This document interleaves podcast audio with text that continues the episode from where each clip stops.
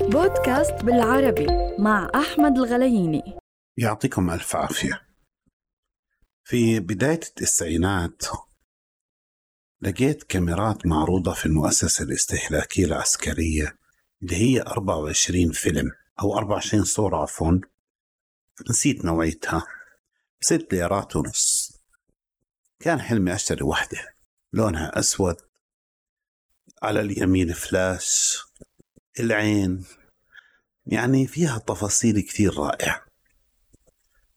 ويمكن هاي طاجة الفلاش جذبتني كان حلمي كثير أشتريها. فقلت بدي أحوش من مصروفي. كان مصروفي شلن و أو بعشر قروش. أحوش شلن يصيروا 15 قرش أصرفهم. ف يعني شفته حلم صعب. فقلت راح يجي يوم وأشتريها. ما في أسبوعين ثلاثة مرضت. صار معي التهاب الكبد الوبائي. فكانت فرصة حلوة. شوكولاتات مصاري ليرات. ضليتني أحوش.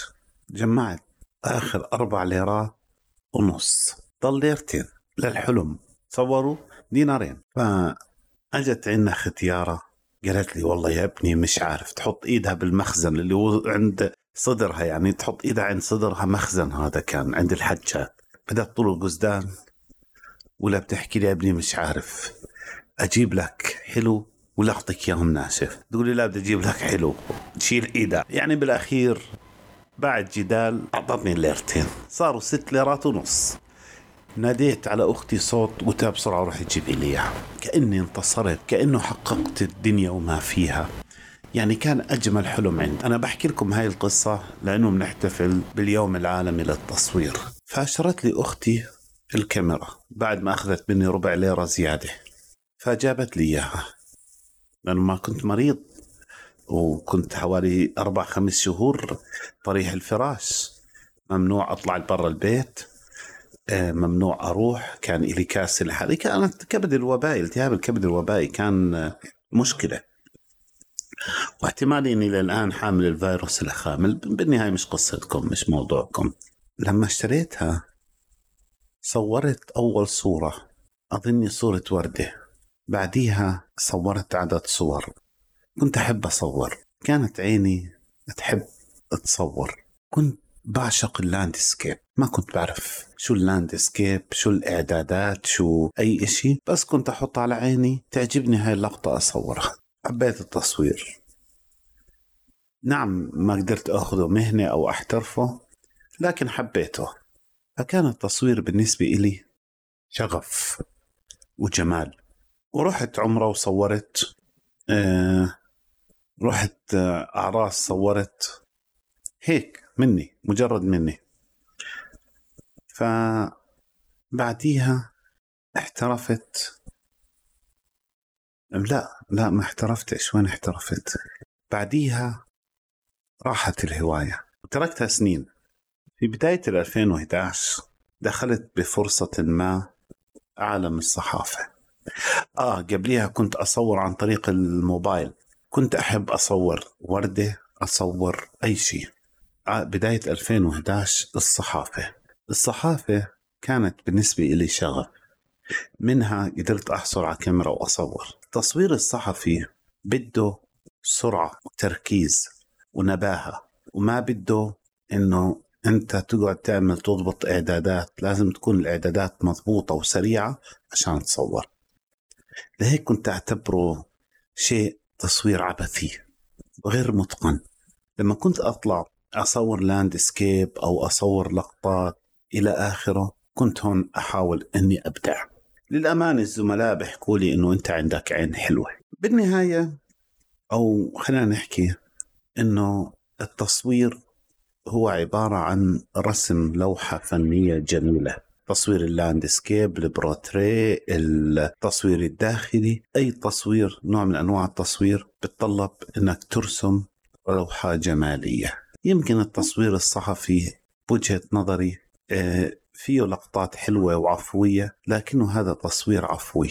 غير معد المكان ما فيه زاوية أو ما فيه بدك تأخذ زاوية سريعة بدك تأخذ لقطات سريعة إلى آخره. لكن بالنسبة إلي أنا اللي بعشقه وببدع فيه التصوير اللاندسكيب التصوير الخارجي. آه، التصوير الداخلي أو تصوير الصحفي مجرد واجب فرض. يعني بكتب صحافة بكتب أخبار تخصصت معها بالتصوير فقط لا أكثر ولا أقل. هاي هي الفكرة. فأنا دائما بطرح حالي الصحفي لكن التصوير بطرحه على إنه جمال ورسم وإبداع وعين. دائما كنت بحاول إني أبدع في أي شيء بعمله. يمكن يطلع في أخطاء عندك وأنت إنسان. لكن الأهم من ذلك إنك تستمر في إبداعك وتكون مؤمن فيه. وأنا بفتخر إني قدمت صور جميلة لنفسي أولا ونشرتها. وبفتخر إني بحب الكاميرا وبحب التصوير. في أشخاص بصورهم لأنهم بيستحقوا الصورة وكثير ناس كنت أحكي لهم ممكن أصورك لأنك الصورة بتطلع لك حلوة. في ناس آه تصوير حرام فيهم. مجرد ضربة شتر بتضيعها على الفاضي. الحياة بتتطور والإبداع عندك لازم يتطور خصوصا بالتصوير. المهنة هاي مكلفة. كل يوم لازم تطور حالك فيها. بالمقابل هي بتعطيك متعة لا نهائية. ودائما تعلم. في يوم العالم للتصوير بحب أحكي لك أنا كهاوي للتصوير طبعا. إنه ما تيأس وضلك صور صور حتى تتعلم كيف تطلع لقطة جميلة. جزء تصور ألف صورة حتى تطلع صورة جميلة. بالمقابل جزء صورة واحدة تعادل جمال آلاف الصور. وين؟ كيف؟ ما بتعرف. لكن ابحث. ما بقدر أعطيك نصائح في التصوير لأنه مش اختصاصي. لكن بقدر أعطيك شيء من تجربتي في النهاية أنا صاحب تجربة ولازم واجبي أني أحكيها. اقتنعت فيها أو ما اقتنعت هذا برشي تصوير موهبة إبداع. وإذا ما امتلكت هاي الأدوات الإبداعية والموهبة بنصحك ما تدرسها. إذا ما حبيتها لا تشتغل فيها ولا تقرب لها. الله يعطيكم ألف عافية.